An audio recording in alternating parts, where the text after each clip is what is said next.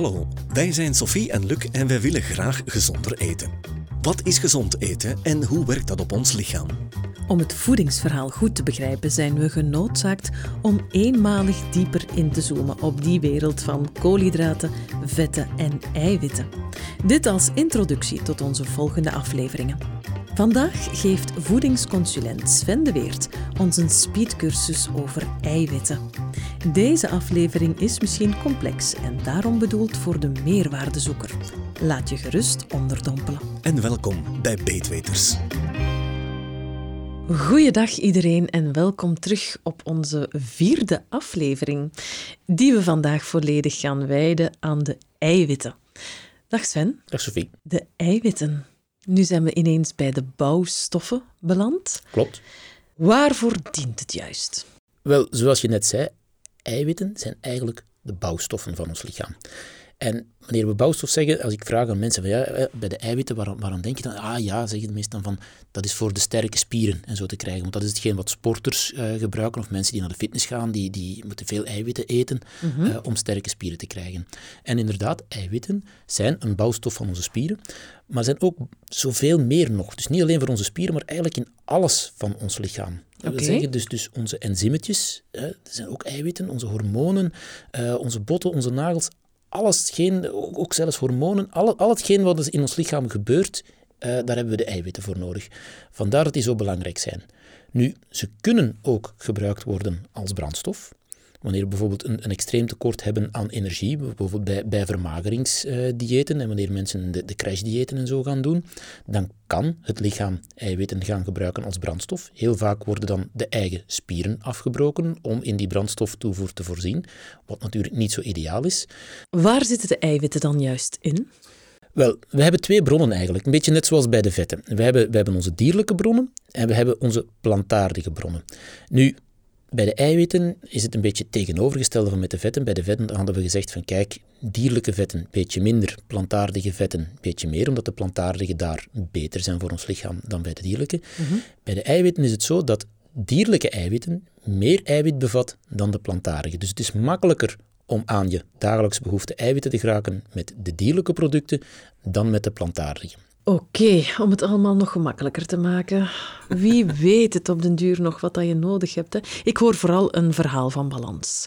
Ja, inderdaad. Oké, maar ik wil nog heel even terug. Sorry daarvoor. Um, leg me nu eens uit, wat is dan een eiwit? Want ik, ik ken ook dat woord proteïne. Hoe moet ik dat linken aan het eiwitverhaal?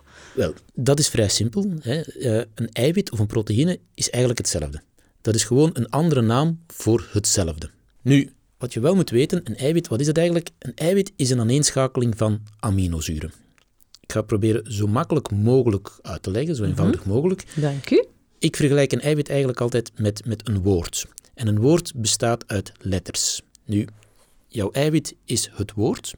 Wat gebeurt er? Je eet het eiwit op. Hè? En, en, en als we even gaan kijken, als we het opeten, uit wat kunnen we het opeten? Dus bijvoorbeeld de dierlijke producten, dan spreken we van vis, vlees, de melkproducten, de yoghurts, de kaas, zo'n zaken. De eieren natuurlijk. Mm -hmm. uh, vanuit de plantaardige producten hebben we vooral de granen, soja. Dat zijn zo'n beetje de goede, de goede eiwitbronnen. Nu, we eten dat op en je moet het dus vergelijken met een woord. En wat gebeurt er wanneer we iets opeten? Ons lichaam gaat verteren. En verteren is eigenlijk het uit elkaar halen van onze voeding. -hmm. Dus je eet je eiwit op, laten we zeggen een stukje vlees hier, dat woord wordt uit elkaar gehaald, in onze maag, in onze darmen, totdat het afzonderlijke letters zijn. Een aminozuur kan je dan vergelijken met een letter. Dus een woord bestaat uit letters. Ons eiwit wordt uit elkaar gehaald tot afzonderlijke letters. Die letters, die aminozuren, worden dan opgeslagen in ons lichaam. En wanneer het lichaam een eiwit nodig heeft op een bepaalde plaats, laten we zeggen voor een hormoon, voor een enzym, voor een spier aan te maken, dan worden die verschillende aminozuren terug aan elkaar geplakt zoals dat je terug van verschillende letters verschillende woorden kan maken. Zo werkt het. Oké, okay. dus het lichaam kiest dan de juiste aminozuren voor het probleem van dat moment. Ja, en een eiwit bestaat uit een twintigtal, een dikke twintig aminozuren. Dus we hebben een, meer een, een, een goede twintig verschillende aminozuren. Nu, bij die aminozuren is het zo dat bepaalde aminozuren kan ons lichaam zelf aanmaken. Dat noemen we de niet-essentiële aminozuren, omdat het lichaam die zelf kan aanmaken. En bepaalde aminozuren kan ons lichaam niet zelf aanmaken. Dat noemen we dan de essentiële, want die moeten we vanuit onze voeding gaan opeten. Ah ja, ja, ja. Ja, en vandaar is het ook zo dat bij dierlijke producten, de dierlijke producten bevatten de essentiële aminozuren, dus dat is een goede eiwitbron, zeggen ze dan. En bij de plantaardige is het probleem dat heel vaak, die, dat ze noemen dat geen volwaardig eiwit. wil zeggen, niet alle aminozuren dat ons lichaam nodig heeft, zitten daarin. Dus mensen die dan vegetarisch gaan eten, die moeten altijd proberen om verschillende plantaardige bronnen van eiwitten met elkaar te gaan combineren, zodoende dat ze toch al de letters die het lichaam nodig heeft, al de aminozuren dat het lichaam nodig heeft, binnenkrijgen. Ik dacht altijd dat sporters dat die heel veel eiwitten tot zich nemen voor de spieren. Maar eh, heb ik dat goed begrepen dat er veel eiwitten zijn om verschillende dingen te doen en niet alleen om spieren op te bouwen? Nee, inderdaad. Dus heel veel functies voor die eiwitten. En het is ook zo, dus eh, als we nu spreken van hoeveel eiwit hebben we dan eigenlijk nodig? Wel, minimumbehoefte uh, voor, een, voor een persoon, voor een normaal persoon, is, is, is gelegd op 0,8 gram, een dikke 0,8 gram eiwit per kilogram lichaamsgewicht. Dus voor de meeste volwassen mensen spreken we dan van 50, 60, 70 gram eiwit voor een volwassen persoon.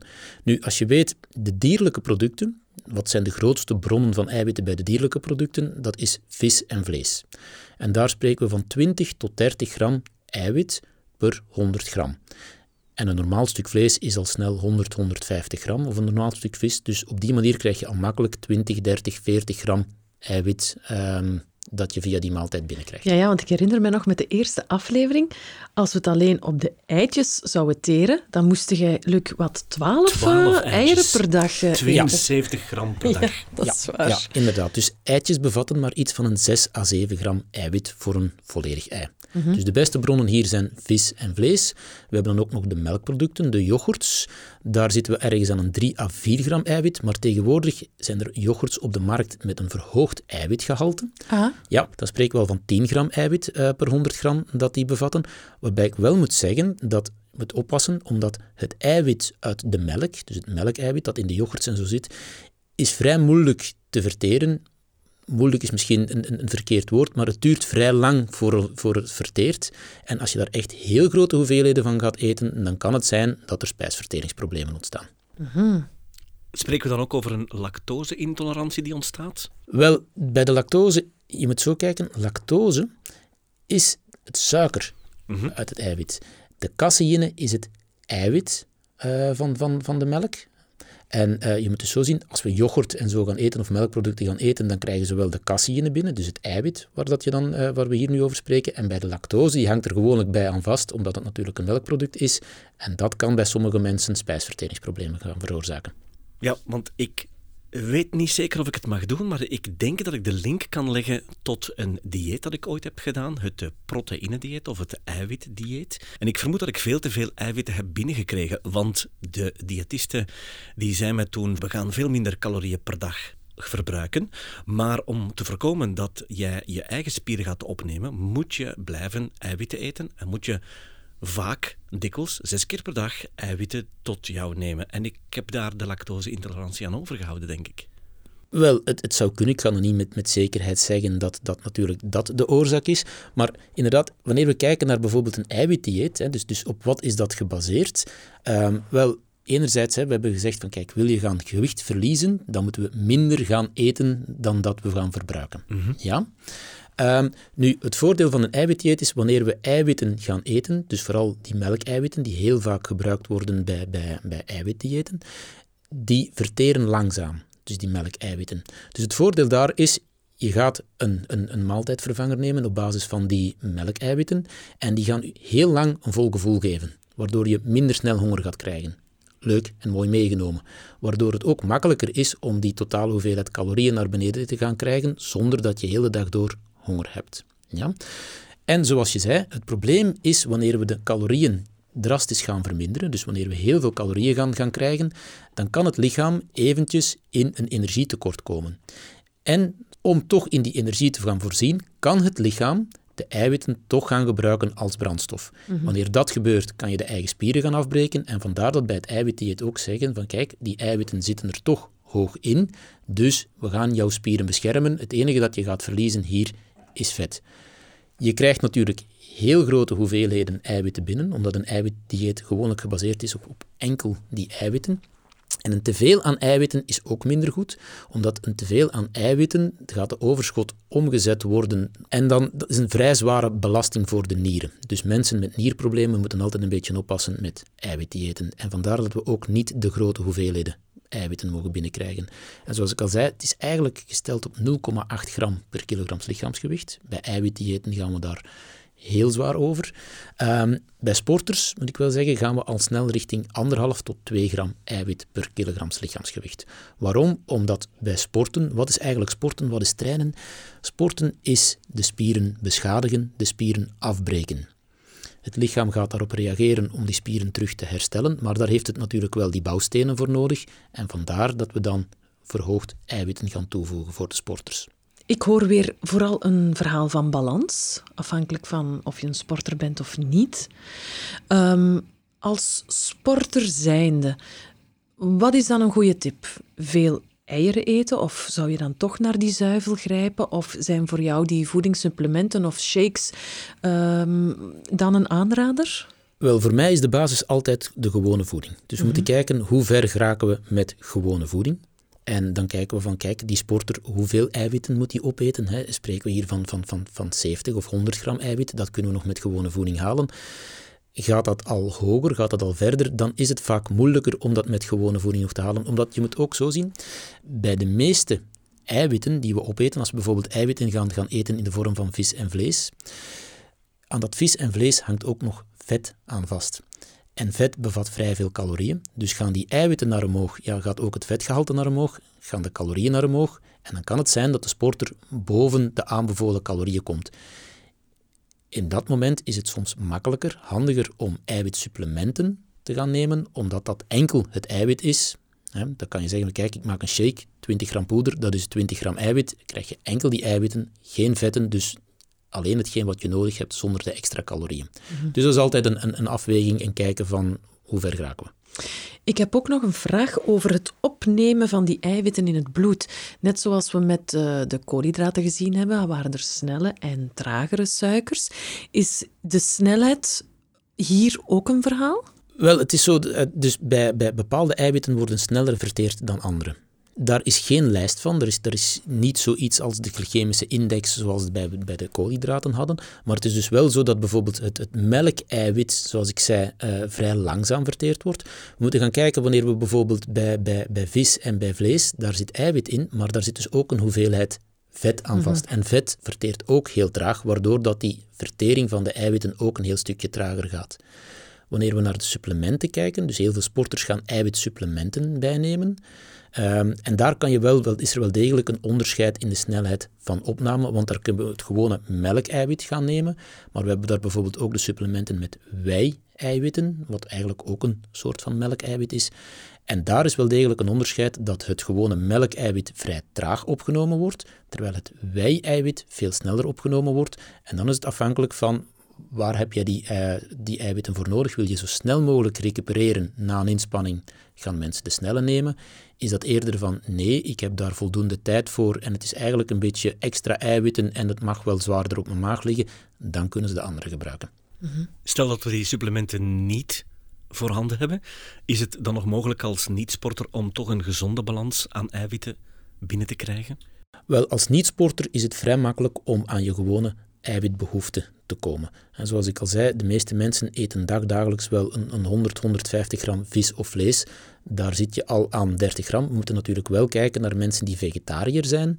Die moeten bepaalde bronnen gaan, uh, gaan mengen. Dus, dus, dus die moeten bepaalde bronnen van aminozuren zorgen dat die complementair zijn bij elkaar, dat ze het totale uh, aminozurenpakket toch binnenkrijgen. Die moeten hun voeding plannen dan? Eigenlijk wel. Dus die moeten toch altijd zien dat ze de verschillende bronnen, uh, plantaardige bronnen van eiwitten, uh, op een dag binnenkrijgen. Ik heb ook nog een vraag en dat gaat over het klassieke eitje. Want daar hebben we al veel varianten van gehoord, gaande van één eitje per dag over maximum twee in de week. Ja, wel, bij de eieren, dus de, de, aanbeveling van de eieren van of dat het nu gaat van twee per week, wat de klassieke aanbeveling is, heeft minder te maken met, met het eiwitgehalte, maar heeft eigenlijk te maken met de cholesterol die dat in het ei aanwezig is. Dus in de eidooier zit cholesterol. Cholesterol wordt in verband gebracht met verhoogd risico op ja, de hoge cholesterol, hart- en vaatziekten, eh, die aandoeningen. En vandaar dat er gezegd is van kijk, maximum twee eieren per week. Dus, maar dat is gewoon voor het cholesterolgehalte, niet voor het eiwitgehalte. Nu, die richtlijnen naar cholesterolgehalte zijn ondertussen al wel aangepast. Dus ze hebben gemerkt van kijk, die twee eieren per week, dat mag verhoogd worden. Hmm. En daar lopen de getallen nog, nog uit elkaar. Maar ik denk dat dat iets is dat we bij een latere aflevering Mhm. kunnen. Maar men mag terug meer dan twee eitjes per week eten. Ja, oké. En ik heb ook nog een vraag over die sporters. Net zoals we met de koolhydraten het hashtag hijgniveau hadden, is er hier voor de eiwitten ook zo een niveau van sporten, van inspanning, die dan eh, rechtstreeks verband heeft met die eiwitten? Moet je bijvoorbeeld pijn hebben aan je spieren? Wil het iets van effect hebben? Of wil je die eiwitten moeten aanspreken? Wel, ja. Hoe kan je nu gewoon als, als sporter weten van kijk, misschien, misschien neem ik te weinig eiwitten in. Omdat dus bij sporters ligt, ligt de, de hoeveelheid eiwitten die dat ze moeten innemen ergens tussen de 0,8 voor, voor een gewone persoon. Dus ergens tot, tot 2 en in de fitness gaan ze zelfs hoger, 3 tot 4 gram eiwit per kilogram lichaamsgewicht. Wel, het is zo, dus bij, bij sporten gaan we spieren afbreken, ja, spierschade. Dan moet het lichaam dat herstellen, daar hebben we die eiwitten voor nodig. Wanneer dat er geen voldoende eiwitten zijn, gaat dat spierherstel veel trager gaan verlopen. Dan kan je dus merken van, kijk, we hebben vandaag gesport. Morgen, hoeveel voelen jouw spieren aan? Als dat bijvoorbeeld is mensen die dat bijvoorbeeld gaan, gaan lopen of gaan fietsen en die gaan de trap af en alles doet de dag na het sporten nog pijn. Hè, van au, au, au als je de trap afgaat. Wel, oké, goed. Dan kan je eens overwegen van eventueel extra eiwitjes te gaan nemen. Ik ga er wel bij vermelden, als je nog nooit gesport hebt en de eerste keer dat je serieus gaat sporten, is het doodnormaal. Ja, dan ben je sowieso stijf. Ja, Ja. dus vandaar. Dus dat is daar eigenlijk een beetje een indicatie van. Als je merkt van, kijk, mijn spieren herstellen niet, en dan kan je dus effectief voelen aan de pijn. Want als de spier leeg is, dus als je bijvoorbeeld zegt van, ik ga de trap op en het voelt aan alsof dat mijn schoenen 100 kilo wegen, dat is eerder het koolhydraattekort, dus dat is het koolhydratenverhaal. Zeg je van, nee, het is echt pijn, dus, dus, dus het stijf zijn van die spieren, dus die, die spierpijn nog de dag na die inspanning, of zelfs twee dagen, drie dagen na die inspanning, dan kan je overwegen van extra eiwitten in te nemen om die spieren sneller te laten herstellen. Het eiwitdieet, sta je daar dan achter of niet voor niet-sporters? Wel, het is zo, het eiwitdieet is, is heel populair geweest en het is altijd waarom? Omdat het, omdat het een vrij makkelijke was voor de mensen. Dus, dus het probleem met diëten is dus effectief van, ja kijk, we moeten minder gaan eten. Voor de meeste mensen wil het zeggen, minder eten, ja, honger lijden, wat niet, wat niet zo leuk is. Het, het goede aan het eiwitdieet is van, kijk, je gaat vrij lang een vol en verzadigd gevoel gaan hebben. Ehm, de spieren worden inderdaad beschermd, dus je gaat een minimum aan spierafbraak hebben. Dus, dus we hebben succes met eiwitdiëten en, en dat zullen heel veel mensen wel, wel merken. Dus de populariteit daarvan is nog altijd vrij hoog. Mijn probleem naar eiwitdiëten is, is dat je op lange termijn niks gaat veranderen aan ehm, de, de levenswijze of aan de manier van voor, eh, voor de mensen. Een andere zaak wat mij een klein beetje stoort, maar dat is persoonlijk aan eiwitdiëten, is van kijk, je gaat je, gaat je maaltijden vervangen. Ehm, maar al die maaltijden, al die shakes, al die repen, die smaken nog altijd heel zoet. En heel vaak is het probleem een beetje niet een lichamelijk probleem, maar, maar eerder een mentale probleem. Mensen zijn een beetje verslaafd, zijn, vinden zoet lekker.